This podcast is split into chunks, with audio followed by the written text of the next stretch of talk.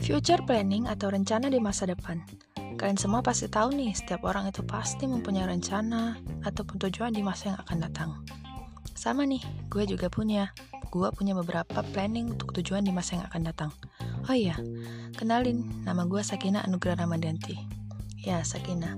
Kebanyakan orang menyebutnya itu Sakina Mawadah Warahmah, bener kan? gue merupakan mahasiswa baru Institut Teknologi Sumatera, jurusan PWK atau Perencanaan Wilayah Kota. Gue merupakan anak pertama dari tiga bersaudara. Ya, kalian semua pasti tahu kan?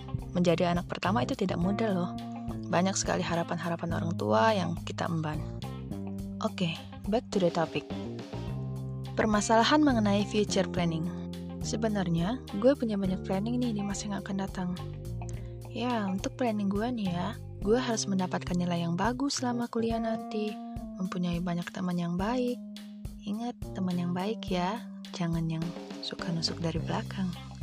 Memperluas relasi dan wawasan, mendalami apa itu PWK. Selain itu, setelah lulus, gue harap nih, gue nanti akan bisa bekerja sesuai dengan minat, bakat, dan bidang yang gue tekuni. Ya, jurusan untuk sekarang ya, yaitu jurusan perencanaan wilayah dan kota.